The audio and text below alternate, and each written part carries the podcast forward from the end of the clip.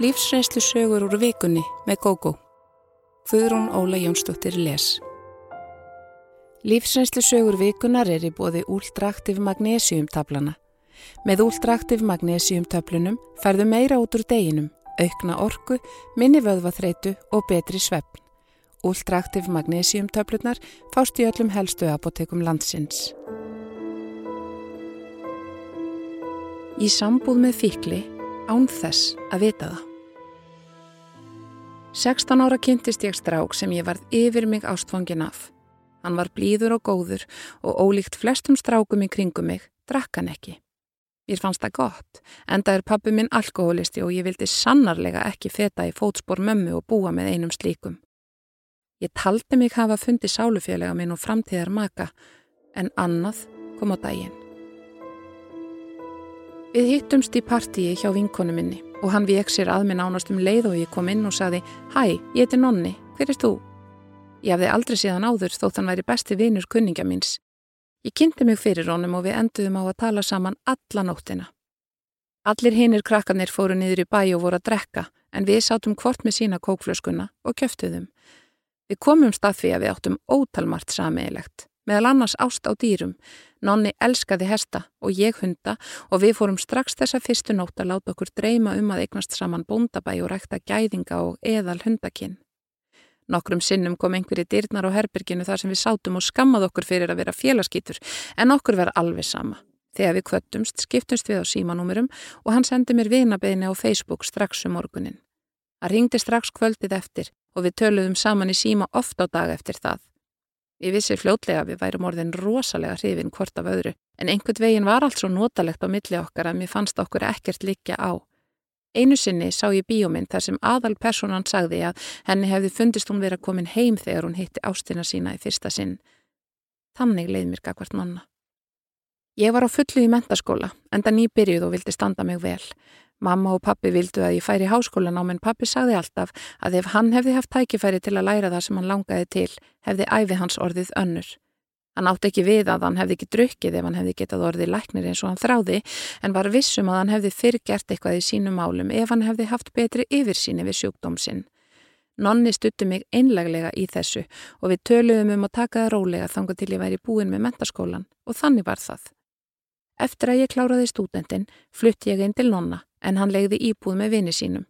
Vinur hans flutti fljótlega eftir það og ég tók við hans hluti leigunni. Ég skráði mig í háskólan og við nonni trúlaði um okkur. Við fannst þetta æðislegt og að við værum á fullkomlega réttri leið. En svo kom áfallið. Á gamláskvöld fór nonni með vinum sínum niður í bæ og kvarf.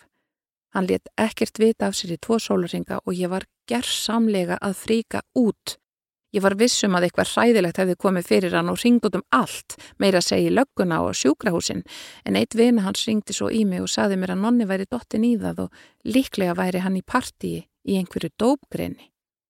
Ég trúði þessu ekki. Nonni hafði aldrei sagt mér að hann hefði verið í neyslu, en vinur hann sagði að hann hefði verið í mjög vondum málum frá 14 ára aldri, en þegar við kynntumst hefði hann verið nýkomin úr meðferð. Ég get ekki líst því hvað þetta var ofbóðslegt áfall. Auðvitað ákvæði að slíta sambandinu og fór heim til pappa og mömmu sama dag. En þegar unni var af honum og hann kom yðrunar fullur og grátandi, stóðst ég hann ekki. Mamma og pappi vildi ekki skipta sér af þessu og í dag er ég hálf reyð við þau fyrir það. Pappi sagði að hann gæti ekki rálat mér því mamma hefði staðið með honum gegnum alla hans vittlisu og það hefði bjargað honum og mamma sagði að þetta væri engangu mín ákverðin. En ég var of ungað mínu mati til að taka hana þá. Allt var í lægi í nokkra mánuði og um vorið komst ég að því að ég var ófrísk, þrátt fyrir að við hefðum nota getnaðarvarnir. Nonni datt aftur í það þegar hann frétti af barninu en að þessu sinni stóða bara eina nótt. Ég sagði honum að ég ætlaði ekki að bjóða barninu mínu upp á það sem ég hefði séð í æsku og ef hann vildi vera með okkur, yrði hann að fara í meðferð og taka sig alvarlega á. Hann lofaði því og fór inn á vok skömmu síðar. Hann kom þaðan en sagðist hafa afþakkað eftir meðferð en það væri hann búin að gera þetta allt áður og kynni það og ég var svo vittlus að ég trúði því. Edrómennska nendist ekki nema nokkra mánuði. Þá fór nonni að láta sig hverfa og drekka og dópa með vinum sínum í nokkra daga í einu. Ég var kas ólétt og gerðsamlega brotnaði hvað eftir annað þegar hann tók túrana. Það var erfitt að vera í námi við þessar aðstæður og ég skil ekki enn hvernig mér tókst að standast öll prófum jólinn. Nonni var líka ofbeldisfyllri og anstekkilegri eftir því sem neykslan jógst. Hann þóldi ekki að ég skipti mér af honum og gerði mjög lítið úr mér þegar ég gerði einhverjar aðbjóðasemdir við hegðun hans. Sónur okkar fættist í janúar og ég tók mér frí frá námi eina önn til að sinna honum. Um haustið, þegar ég byrjaði aftur, var ástandið orðið mjög slæmt á heimilinu. Nonni var hættur að vinna og borgaði ekki sinn hluta af leigunni. Námslánin mín dekkuðu hana ekki alla þótt ég væri nú komin með barn. Ég flutti því heim til pappa og mömmu. Nonni syngdi mér reglulega fullur og ímis grátandi og yðrunarfullur eða reyður og ógæslegur. Til að byrja með tóki þessi símtöl áskaplega næri mér en eina nóttina breytist allt. Nonni hótaði mér og barninu ofbeldi. Hann sagði að ég hefði komið illa fram við sig og rakið sig í neistlu, að ég heldi barninu okkar frá honum, ég hafði neitað honum um að koma og heimsækja strákinn þegar hann var fullur og hann ætlaði því að koma og berja mig og taka barnið. Eitthvað gerðist þegar hann sagði þetta. Ég skellti á hann og síðan hef ég ekki svara símanum þegar nonni syngir. Ég talaði við mömmu hans og sagði henn að ég myndi tala við hann edru eða alls ekki. Hann gæti hitt reyngin ef hann tæki sig á en meðan hann væri í neistlu hefði hann ekkert með smábarn að gera. Mér tókst að halda áfram námi og ljúka því. Ég veit að núna að drengin minn muni ala einu upp. Það eru liðin tvö ár síðan ég heyrði síðast frá nonna en ég fretti af honum í Danmörku og þá leita hann vist ansi illa út. Ég reyni að láta það ekki af áhrif á mig en ég verða viðurkenna að það veldur mér mikillir sorg. Ég vil ekki segja að ég sé bitur en mikið vild ég óskað ímislegt hefði verið öðruvísi. Ef einhver hefði sagt mér strax í byrjun að nonni væri fíkil hefði ég kannski gert hlutina öðruvísi. Ég veit að núna að meðan ég var í mentaskóla og að við ætluðum að fara rólega í sakirnar var nonni oft í neyslu. Hann tók sér samt alltaf á og kom til að hitta mig þegar hann var í góðu standi. Allir vinir hans vissu þó sem var en þauðu. Mamman saði heldur ekki neitt en Pappi hans dói að völdum ofnótkunnar áfengist eða nonni var lítill. Ekkert af þessu vissi ég þegar við fórum að búa. Ég vildi líka að mamma og pappi hefðu tekið öðruvísi á sambandinu. Þau hefðu átt að segja mér að fara strax og nonni létt sig hverfa í fyrsta sinn. En, eftir á að higgja, þá ætti ég ekki drengin minn í dag ef það hefði gerst. Ofnæmi er hættulegur sjúkdómur. Sónur minn er með ofnami fyrir ímsu og þar á meðal bráða ofnami fyrir netum og rækjum. Honum líður líka mjög illa innan um flest öll dýr. Mér finnst fólk almennt ekki skilja hversu alvarlegt þetta er. Öllum finnst til dæmi sjálfsagt að koma með dýrin sín upp að honum og sumir verða móðgæðir þegar ég segja þeir séu að gera sinni mínu mikinn óleik. Víða vantar líka mikið á hvað varðar merkingar vöru. Tvísvarsinnum hef ég þurft að fara með barnið í ofbóði á bráðamótöku vegna þess að hnetur voru í kökum í bakaríum hér án þess að það væri tekið fram í innihaldslýsingu í annarskiptið og í hitt fullirti starfsmæður að engar hnetur væri í þessu en heslinhetukurl var notað í botnin. Þegar þetta byrjaði vissi ég ekki meira um bráðaofnami en flestir aðris. Mér hafði aldrei hugkvamst að leita mér fræslu um það en það ekki þurft á því að halda. Ég vissi þess vegna ekkert hvað var að gerast þegar sonur minn steiftist allt í einu út í útbrótum eftir kvöldmatitt kvöldið. Það var engu líkara en hann væri að breytast í fílamannin fyrir hnúðar byrtust á enninu á honum. Hann kastaði upp og grétt óskaplega. Útbrótunum fylgdu mikil óþægindi og svo fór hann að anda með sógum. Ég raug með hann upp á spítala. Þar var hann greindur með bráðaofnami fyrir netum en þær höfðu verið í salati sem var með matnum. Ég held að þetta er því lítið mál og það eina sem ég þyrti að gera væri að forðast netur en nokkru síðar fekk hann sömu viðbröð eftir að hafa borða rækjusalat hjá ömmu sinni. Að þessu sinni vissi ég hvað umrætti og fór með barni strax upp á spítala. Síðan þá hefur komið í ljós að hann þólir flest öll dýr mjög illa og getur ekki komið við hesta, hunda, ketti, hamstra eða kaninur. Ég verða að játa að þetta hefur haft veruleg áhrif á daglegt líf okkar. Ég hef stöðugar áhugir af honum þegar ég er ekki nálagt. Ég er alltaf hrættum að einhver vel meinandi rétti honum óvart súkulaði, köku eða annað með netum í að hann komist í snertingu við rækjur eða fái fyrir slísni rétt sem rækjur eru í. Við útskýrum álið allstæðar þar sem hann er dagstaglega en mér finnst ég samt aldrei geta verið örug. Oft er mikill misprestur þar á merkingum og innihaldslýsingum á vörum hér á landi Erlendar vörur eru mun betri að þessu leiti og ég þórið við aldrei fyllilega að treysta þeim íslensku, sérstaklega eftir atvikinn tvö með bakarískökurnar. Það færist í vöxt að fólk sé með fæðuofnami og matvælaframleiðendur sem láta hjá líða að geta þessi innihaldslýsingu að þekktir ofnamisvaldar séu í vörunni þurfa að vera tilbúinir að taka alvarlegum afleiðingum af anrækslu sinni. Þegar ég kom í bakaríið til að kvarta eftir fyrra sinnið, yfti bakarinn bara aukslum og basi ekki einu svona fyrirkjöfningar. Ég hef aldrei vesla við hann síðan. Hinn var skári en bauð mér aðra köku í staðin eins og það væri aðal málið. Að geta treyst því sem stendur í innihaldslýsingum er ómetanlegt og það eru sjálfsögur réttindi hvers einstaklings að fá réttar upplýsingar um hvaðan er að fara að borða. Ég eigði oft ómældum tíma í maturverslunum við að lesa innihaldslýsingar og vildi óska að hér á landi væru sérstakar hillur fyrir vörur sem ekki innihalda þekta ofnamisvalda. Ég get ekki lengur skellt mér á kaffihús eða farið á veitingastað með fjölskylduna án þess að ringja á undan og byggja um að teki sér tillit til ofnamisins og þess gætt að netur og rækjur komi hverginæri þegar mat sem eldaður er handa sinni mínum. Svo staðrind að drengurinn er með ofnami hefur einnig breytt ferðavennjum okkar mikið. Ég tek æfinlega með okkur næsti hvers sem við förum. En svo staðrind að hann þólir illa dýr hefur sett okkur miklar skorður. Við förum helst ekki upp í sveit og ef við förum í sömarbústað gætum við þessi vel að ekki séu leif dýri bústaðum í kring. Eitt sinn lendu við í því að hundur var í næsta bústað og eigendurnir hliftu honum lausum út. Hann kom yfir til okkar og krakkarnir voru auðvitað öll hrifin og áður en við gátum stoppaða hafði drengurinn áða að klappa hundinum. Alla næstu nótt satt ég með hann grátandi af mannliðan. Hann var allir auður og heitur, klæjaði og það lagur augum og nefi. Hann átti erfitt með að anda þegar hann lág út af og gatt þess vegna ekkert sofið. Ég kvartaði við eigundur, en dáttu hundar að vera bannaðir á svæðinu og bað þá að halda hundinum inni eða fara með hann heim. Dægin eftir byrtist hann aftur á verundinni hjá okkur. Ég rak hann burtu, en hann kom aftur skömmu síðar. Þá var mér nóbóðið. Ég arkaði yfir í bústæðin og sagði fólkinu að ef sonur minn ætti aðra andvökunótt vegna hundsins þeirra, myndi ég sækja þau og láta þau vaka yfir honum.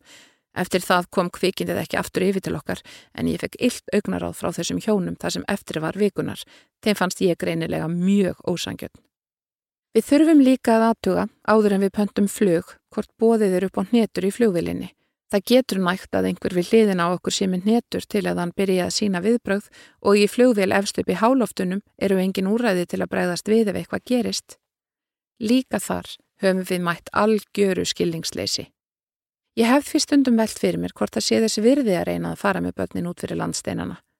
Þið undarlega er hins vegar að þegar komið er utan eru allar aðstæður mjög betri, veitingastæðir sem taka tilli til bráðánamis, verslanir sem hafa á að skipa sérfurudeildum fyrir þá sem þjást af því og fólk sem sínir skilning þegar við byggjum það að fara með hunda sína eitthvað annað vegna parsins.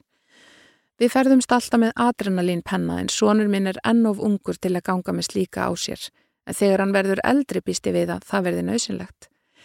Á leikskólanum hans er þess mjög vel gætt að engar netur komið þar inn fyrir dyr og matráskonan bakar allt sjálf til að við getum verið alveg örug. Ég er óskaplega þakklátt fyrir þetta en mér skilst að þetta sé ekki sjálfgefið og víða í skólum landsins sé ekki sami vilji til að passa upp á þetta.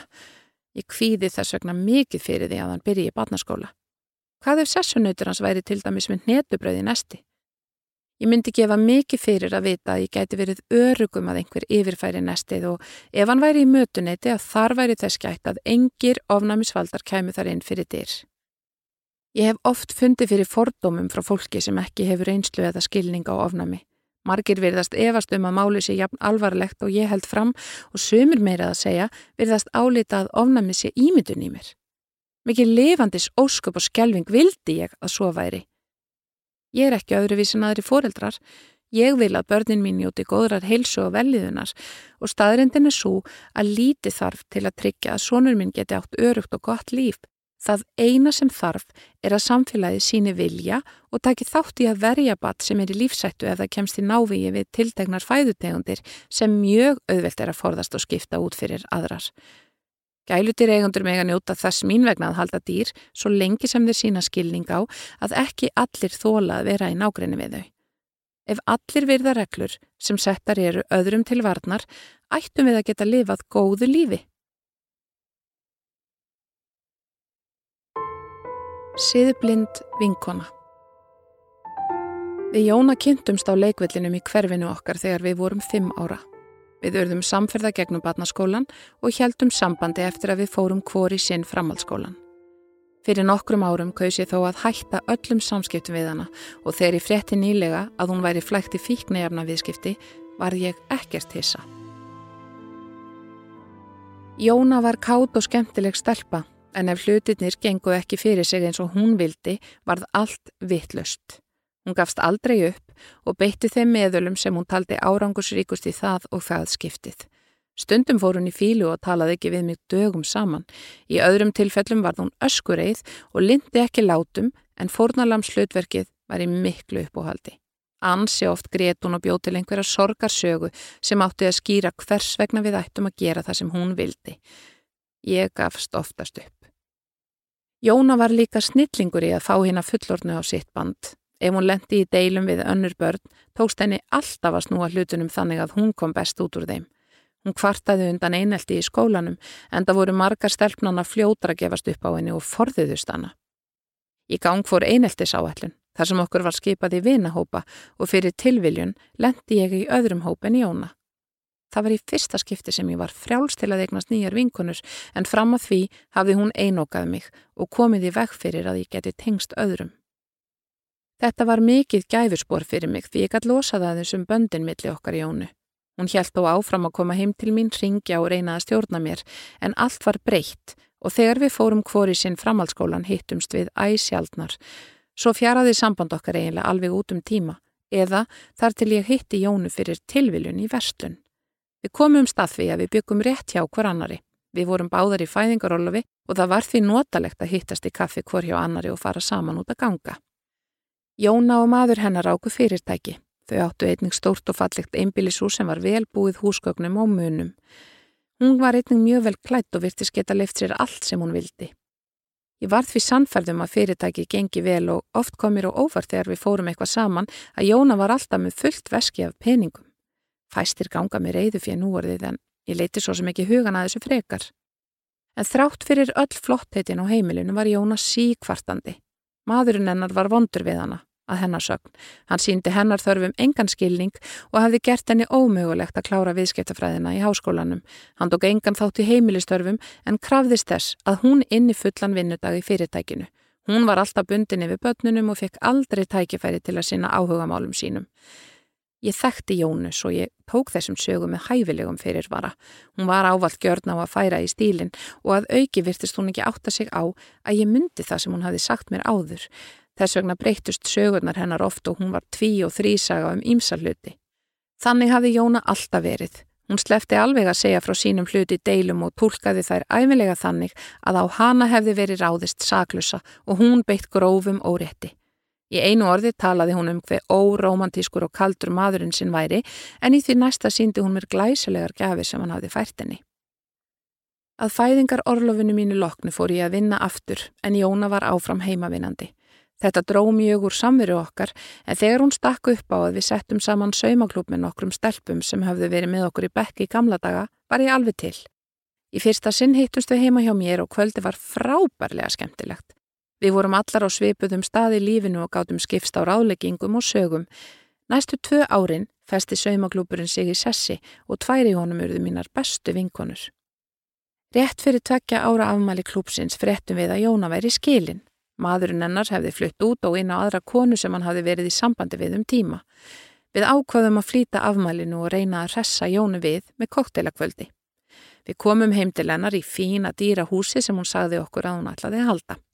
Fyrirtækið hafði hún einni hugsað sér að taka yfir og þegar ég spurði hvernig hún ætlaði að borga mannin sinn út úr hverju tekja var hún móðguð og reið.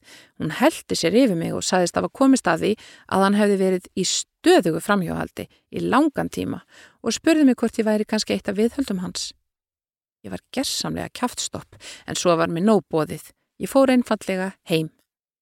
Dægin eftir hingdu vinkonur mínar í mig og sögðu mér að Jóna hefði haldið áfram að tönlast á þessari vittlisu allkvöldið og haldið því fram að ég hefði farið vegna þess að sektarkendin hafi orðið mér um megn.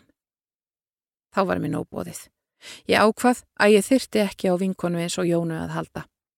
Hún ringdi í mig nokkrum dögum setna og ég sagði einfallega að ég hefði ekki áhuga á að umgangast hana meira. Svo lagði ég á.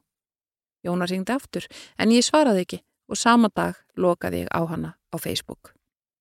Ég sagði stelpunum í saumaklubnum hvaða ákverðun ég hefði tekið og jáfnframt að ég vildi ekki skemma fyrir Jónu þannig að ég ætlaði að draga mig út úr klubnum. Það vildu þær ekki en ég sagði þeim að ekki kemi annað til greina. Skömmu setna frétti ég svo að klúpurinn hefði lagt upp laupana. Í kjölfar þess stopnum við sem vorum hvað nánastar okkar eigin klúp. Auðvitað tólkaði Jóna það á sinnhátt og saði hverjum sem heyra vildi að ég hefði bólað henni úr saumaklubnum og spilt á milli hennar og hinna. Sannleikurinn var sá að þær voru allar orðnar þreyttar á henni þegar þarna var komið sögu og voru feignar að losna. Eina ástæða þess að við heldum áfram svona lengi var svo að okkur þótti vænt hverjum aðra en við umbárum Jónu fannst við ekki geta rekið hann ár klubbi sem hún hafði stungið upp á þeirri stopnaður. Hrunið reið yfir og við vinkonurnar komum misjaflega út úr því rétt eins og aðrir Íslendingar. Við heyrðum að illa hefði farið fyrir Jónu. Fyrirtækið farið í þrótt og húsi komið undir hamarinn. Hún hafði einfallega hætt að borga af lánum og nú höfðist bankin halda uppbóð á eigninni. Þegar að því kom, hafði hins vegar ímislegt horfið úr eldúsinu, glæsileg sérhönnuð eldúsinnrytting sem skipt hafði verið út fyrir íkja-innryttingar, eikarfataskápar og margt fleira. Hún hafði selgt þetta allt meðan bankin gaf henni greiðslufrest. Þetta var það síðasta sem ég heyrði af Jónu í langan tíma. Nýlega hitti ég hins vegar gamla bekkarsistur og hún sagði mér þær frettir að Jóna hefði verið handekinn fyrir rúmu ári fyrir tengsl við stórt fíknefnamál. Hún ætti líklega vona á dómi fyrir aðild sína. Þetta kom mér alls ekki á óvart og ég á alveg vona á að fyrir það síðar dúkki hún upp í einhverjum fjölmili og lýsiði hvernig hún hafi verið neitt út í þetta allt saman. Hún mun mjög líklega týna til nokkra sökudólka og njóta þess að eiga alveg óskaplega bátt. Þegar það gerist mun ég brosa út í annað og velta fyrir mér hversu margi trúinni. Andstikileg sýstir Mikill aldursmunur er á mér og eldstu sýstur minni. Hún var 16 ára þegar ég fættist og svo virðist sem hún hafi alla tíð fundið fyrir mikilli anduð og reyði vegna tilkomu minnar. Ég á gott samband við öll sískinni mín nema hana en hún kemur andstyggilega fram við mig. Frá fyrstu tíð var eins og hún væri í einhvers konar samkjafni við mig. Sigga sýstir þóldi ekki að pappi og mamma rósuði mér og talaði alltaf illa um mig. Móðursýsti mín hefur sagt mér að hún hafi bröðist mjög illa við þegar hún frétti að mamma veri ófrísk. Henni fannst það óskaplega asnalegt og mamma allt of gömul til að eignast barn. Vissulega var hún á vikvamum úlingsaldri og sennilega hrættum hvað vinkonum hennar fyndist um að 44 ára móður hennar væri bassavandi. Mamma segir að Sigga hafi aldrei viljað passa börn og ekki verið hrifin á neinu af sískinum okkar. Stundum þurfti mamma einfallega að skilja hana eftir hjá hinum sískinunum vegna þess að hún varða að fara eitthvað og ekki var öðrum til að dreifa. Næstelsta sýstir mín, Rúna, var á hinbógin allt önnur týpa og mér er sagt að hún hafi verið eins og lítil mamma mín. Hún var 13 ára þegar ég fættist og syndi mér frá upphafi mikið. Hún fór með mig út í vagninu mínum og síðar í kerru. Einhverju sinni var mamma mjög hrætt og fór út að leita okkur en þá voru við búin að vera í tæpa tvo tíma á Róló. Þegar mamma fann okkur sagði Rúna, henni þóttu svo gaman að ég gæti ekki farið heim. Mér gekk vel í skóla og var jafnan efst í mínum bekk. Þetta voru í tauganar og siggu og ef um þetta var tala sagði hún, ég hefði líka geta gert þetta en mér hefði ekki verið ætlað að passa krakka á sinna heimilistörfum. Það er líka merkilegt að mamma og pappi höfðu aldrei tíma til að hjálpa okkur með heimanámið en þessi krakki fær endalusa aðtikli. Vissulega bjóð ég að því að fóreldrar mínu voru orðnir eldri og þroskari en þegar sískinni mín kom í heiminn. Við erum fimm, eldstur er drengur sem var 18 árum eldri en ég og þau sískinni mín fóru öll að heimann fljótlega eftir að ég fættist en yngsti bróður minn stopnaði sitt eigið heimili þegar ég var 10 ára. Hann er 11 árum eldri en ég. Það rýmkaðist einning um fjárhægin hjá fóreldrum okkar þegar þau voru allorðin sjálfstæð og ég býst við að ég hafi einning notið þess. Einnig það fór í tögunar og siggu. Hún talaði um að ég fengi að stunda áhugamál sem hún hefði ekki fengið að prófa og fötin mín væru dýr og fín meðan þær eldri hefðu gengið í heimasaumiðu. Móður fjölskylda mín er mjög samheldin og mjög oft voru haldin matarbóð og veistlur þar sem allir komu saman. Sigga talaði mikið um mig við þetta fræntfólk, sagði að ég væri fordegruð og frek, fengi alltaf sem ég vildi og sneri fóreldrum okkar í kringum mig. Hún heikslaðist mikið á því að mamma þvoði þvottin minn þegar ég flutti fyrst að heimann um tvítugt. Ég átti ekki þvottavel og mamma bauðst til að þvó fyrir mig þangu til ég geti keift einast líka. Þótt ekki liðu nema nokkri mánuðir þar til mér tókst það, talaði hún æfinlega eins og ég hefði látið mömmu þó af mér árum saman. Sigga hættist nefna í skóla og fór að vinna. Hún var móðir rétt um tvítugt en ég held áfram námi og egnaðist mitt fyrsta bat þrítug. Fóreldrar okkar voru þó nokkuð við aldurs og ég gæti ekki ætlast til að þau syndu barninu á sama hátt og flestar ömmur og afar gera. Rúna sýstir sagði þá að sér fyndist hún vera eins og amma sonarmís og hún syndi mjög vel um hann. Sigga var mjög neyksluð á þess og talaði gerðan um að ég hendi krakkanum í rúnu og væri alltaf að byggja um person. Sannleikurinn var sá að það var fjarrilagi. Ég og barsfæður minn slítum sambandi okkar áður en drengurinn fættist og ég var því ein með batnið en fór afskaplega sjaldan út. Mér fannst stundum eins og elsta sýstir mín vaktaði mig því ef að ég leiði mér að fara út að skemta mér fretti hún af því og talaði um það endalust. Hún sagði barsföður mínum að ég væri á þvælinginir í bæjum hverji helgi og alltaf með nýjum og nýjum önnum. Til allra lukku er gott samband okkar á myndli og hann vissi sannleikan. Hann gaf þess vegna ekki annað en hleyið þegar hún sagði þetta og ringdi í mig til að skemta sér yfir þessu.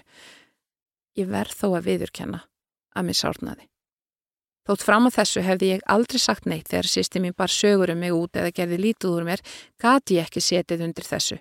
Ég ringdi hann og sagðinni að ég myndi ekki taka þessu þegjandi. Hún þóttist aldrei hafa sagt neitt þessu líkt og sagði barsföðu minn ljúa. Ég vissi að svo var ekki og deilur okkar jökust orð af orði þar til ég skellti á.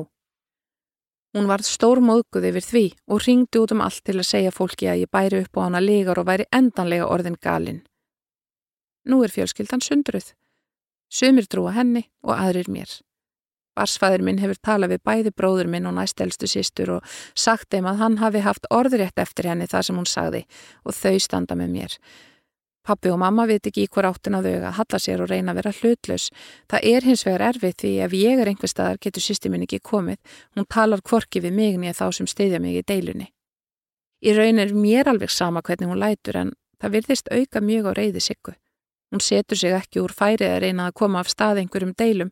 Um daginn kom hún til að mynda heim til Rúnu og sá drengin minn þar.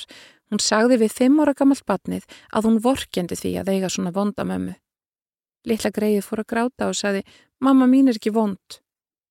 Hún ætlaði að halda áfram en Rúna stoppaði hana og baði sonsin að fara út með drengin. Ég held að Sigga hafi vonast til að ég myndi bregðast við þessu á einhvern hátt, ringi hana til að rýfast eða eitthvað slíkt, en mér datt það ekki hug. Mér finnst þetta þó leiðinlegt foreldra okkar vegna. Þeim líður illa og mamma hefur oft spurt mér hvort ég haldi ekki að við getum sæst. Ég hef alltaf svarað því á sama veg að ég sé ekki að rækta neina ílsku eða reyði í garðsíku. Ég hafi haft fullan rétt á að gera aðtúasemt við það sem hún sagði og ef hún vilji byggast afsökunar eða einfallega ringja í mig og láta sem ekkert sé, mun ég ekki taka nýlla. Sigga hefur hins vegar engan áhuga á því en það finnst enni hún loks hafa sínt fólki fram á hverslags manneskja ég sé og í millitíðinni er ég fegin að vera laus við hana. Erfið tengdadóttir Vinkona minn stríðir með stundum á því að ég eigi mafíu fjölskyldu sem stendur saman í blíðu og stríðu og vissulega er eitthvað til í því. Eldri sónur minn er þó giftur konu sem virðist ekki vilja tilhera fjölskyldu okkar. Í hjónin byggum í sama húsinu í 30 ár og þar ólust börnin okkar fjögur upp. Við vorum með litla íbúð í kjallaranum sem börnin fengu afnót af þegar þau fóruð að búa með mögum sínum áður en þau flugu endanlega úr reyðrinu. Eldri sónur minn, Birgir, átti indala kærustu árum saman en þegar þau slitu sambandinu söknuð við hennar mikill. Þegar hann fór að vera með fjólu, buðum við hana hjartanlega velkomna í fjölskylduna. Alveg frá upphafi hjælt fjóla sig til lés. Hún kom að sjálfsögði heimsótt til okkar með bygga og við heimsóttum þau. En ári eftir að eldra bad þeirra fættist giftu þau sig og tveimur árum setna kom það yngra í heiminn. Ég er mikil badnagæla og vildi helst fá að passa badnabötu mín sem oftast, en ég fekk ekki að hafa börn fjóli og bygga hjá mér nema ungu hjónin væru að fara eitthvað og foreldrar hennar væru uppdeknir. Fjóla er sjálfur samhendri fjölskyldu sem sonur minn var strax hluti af. Ég kvartaði aldrei við tengdadóttur mína, sagði þó stundum að ég væri til í að eiga fleiri ömmustundir með börnunum. Hún brosti bara en ekkert breytist. Þegar ég orðaði þetta við Birgi fór hann að koma oftar við með krakkana þegar hann var eitt með þá. Hann hafði ekkert hugsað út í þetta en sagði mér að þau hjónin færu mjög oft til tengdafóreldra hans eða heimsæktu sískinni fjólu. Eftir að börnin okkar fluttu að heiman höfum við verið til skiptis hjá þeim á aðfangataskvöld, nema hjá bygga og fjólu. Þau eru alltaf hjá fóreldrum hennar. Stundum hafa börnin okkar búið í kallara íbúðinni þegar þau eru á milli íbúða og ef hittist hannig á um jólaleitið höfum við oftast varið aðfangataskvöldi heima með kallaragenginu. Eitt árið, einmitt í kringum jólinn, seldu fjóla og byggi íbúð sína og fengu þá nýju ekki fyrir en eftir áramót. Þóttu byggju hjá okkur kom ekki til greina að halda jólinn með okkur í þetta eina skipti. Það er hefð hjá þeim að vera með fjölskyldu fjólu og engum á breyta. Þau koma heldur ekki í hangikjöti til okkar á jóladag þegar öll fjölskyldan hefur borðað saman. Við böðumst til að færa jóladagsbóðið fram á annan í jólum til að við getum öll verið saman en fjóla afþakkaði það. Hún færi þá til bróður síns og fjölskyldu hans. Ég reyndi allt. Böðst til að vera með veislu fyrir þau í háttegin einhver þessara háttegistaga en allt kom fyrir ekki. Samt hef ég ekki rætt þetta sérstaklega við hinbötnin mín. Ég veit að þeim finnst leiðinlegt að fá ekki fjólu og bygga í jólabóðið en þau hafi ekki gert viður út af því. Ef einhvert barnana minna kýsa vera annar staðar á jóladag sem hefur komið fyrir er það allt í lægi, það er ekki skildumæting. Ég veit bara að börnunum mínum finnst svo gaman að hittast hjá okkur með börn sín og sjálfgeft að þau mæti ekki. Mér þykir vænt um fjólu eins og hinn tengda börn mín og það kemur ekki til greina af minni hálfið að búa til leiðindu úr þessu en að breyta hefðunum og leifa fjölskyldu bygga að njóta samverunar við þau á hátíðistögum þó ekki væri nema einu sinni á ári virðist ekki hugnast henni. Ég spurði bygga einu sinni hvort henni væri illa við okkur en hann sagði það af og frá og hann vildi ekki pínana til að breyta einu eða neinu. Það væri nógu margi dagar í árinu til að hitta þau, sem eru þetta alveg rétt. Vissulega hittumst við stundum öll saman í afmælisveislum, en ég skil samt ekki són minn. Hann hlýtur að hafa eitthvað um álið að segja, ekki vantar að hann er ákveðin, en þessu lætur hann konu sína alfari ráða, þótt hann viti núorðið að það særi okkur foreldra hans. Það komir skemmtilega á óvart þegar hjónakornin samþyktu að koma með fjölskyldunni til útlanda eitt sömarið. Það hafði verið draumar okkar lengi að fara með börnum okkar og barnabörnum og verja þremur vikum í sömarhúsi. Hver og eitt borgaði fyrir sig en við hjónin borguðum helmingin af miðaverðinu fyrir barnabönnin. Þegar kom að við að ganga frá öllu saman kom hik á fjólu og hún saðist ekki vera vissum að þau kæmust. Þá fauk í mig því búið var að tala um þetta við börnin sem hlökkuði mikið til. Ég var þó salla róleg þegar ég ringdi hann og spurði hvort börnin mætti ekki minnstakosti fara. Ég heyrði að hún var ekki til í að vera án þeirra svo lengi og stakk upp á að við hjónin stittum ferðina neyður í tvær vikur og kæmum þá heim með börnin, hinnir gætu verið lengur. Mér til mikillar gleði samþygt hún það. Ferðin hefnaðist mjög vel þótt byggi og fjóla kem ekki með, en börnin þeirra voru heiminn sæl og hefðu viljað vera lengur. Þegar þrjú af fjórum börnum mínum voru flutti nýtt hverfi á höfuborgarsvæðinu fengu við hjónin mikla kvartningu frá þeim að flytjast ánga líka. Barnabörnin letu ekki sitt eftir liggja og einn daginn seldum við hjónin húsið og fluttum upp í óbyggðir. Gamla húsið okkar var hvort eðir orðið of stórt fyrir okkur og hvorugt okkar hjóna langaði að leia ókunnugum íbúðin á neðri hæðinni. Íbúðin sem við keiftum er stór og alltaf pláss fyrir ömmugullin að gista eða langar. Nú var stutt fyrir barnabörnin að kíkja í heimsók til ömmu og ég hittu þau mun oftar en áður. Ég var allsæl. Við grínumumst með það við yngri dóttur mína og mannin hennar að þau þyrtu líka að flytja í hverfi til að við værum öll saman. En það hendaði þeim þó ekki. Börn þeirra voru ánaði sínu hverfi og áttu marga vini þar og stutt var í vinnu fyrir foreldrana. Þau voru þó alltaf með annan fótinn hjá okkur og sískinum sínum og börnin þeirra gistur reglulega hjá okkur. Það var eins og fjóla þyldi mákonu sínar og má betur en okkur tengdaforeldrana og hún er í mun meiri samskiptum við þau en okkur. Samt hefur alltaf ríkt kurtisi og virðingi samskiptum okkar hjóna við fjólu. Mér langar vissulega stundum að segja eitthvað við hann en vil ekki gera það af óta við að skemma það sem fyrir er. Mér fannst til dæmis sárt að þegar ég prjónaði fallegar lópapeisur á öll barnabörnin í jólagjöf eitt árið og sá hennar börn aldrei í þeim. Þegar ég spurðan út í það, sáðun að þau ættu allt og mikið af peisum.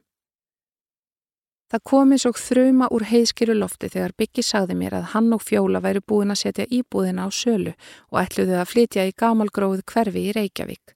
Þau væri orðin leið á útkverfalífinu og langaði til að vera nær ís og þís borgarinnar. Vissulega bjóð sýstir Fjólu í sama hverfi en fólkið hennar er þó treyft viða um höfuborgarsvæðið og eitt bróðirinn býr út á landi. Ungu hjónin höfðu þó oft talað um að þau hlökkuðu til að ala upp börni sín þarna og þetta væri framtíðarheimilið. Mögulega hefur fjólu þótt nálaðin við fjölskyldu mannsins of mikil og samskipti okkar hjóna við börnin meiri en hún vildi. Ég veit það ekki. Ef ég væri afskipta sem tengdamamma með nefið ofan í öllu hefði ég skilið þetta en ég passaði mig á því að halda þeirri fjarlag sem ég fannst hún vilja. Ég heimsótti bygga miklu sjálfnar en hinn börnin mín og kom aldrei óbóðin til hans og fjólu. Mikið var ég sorg með þegar þau fluttu. Ég veit að börnin þeirra voru ekki sátt við flutningarna til að byrja með en þau eru orðin það stálpuð að þau geta komið eini stræt og heimsótt okkur og svo skuttla ég þeim heim. Fjóla hefur allavega ekki sett sig gegn þeim heimsóknum. Samskiptin við börnin eru þó orðin miklu minni en á meðan þau bygguði hverfinu. Vissulega geti sett mér í spór fjólu. Ég var háð fjölskyldu minni á yngri árum og litlu máttu breyta varðandi jólahefðir en þegar ég giftist manninu mínum urðu óhjákvæmilegar breytingar hjá okkur báðum. Ég býst ekki lengur við að ástandi breytist en held í vonina um að það gerist.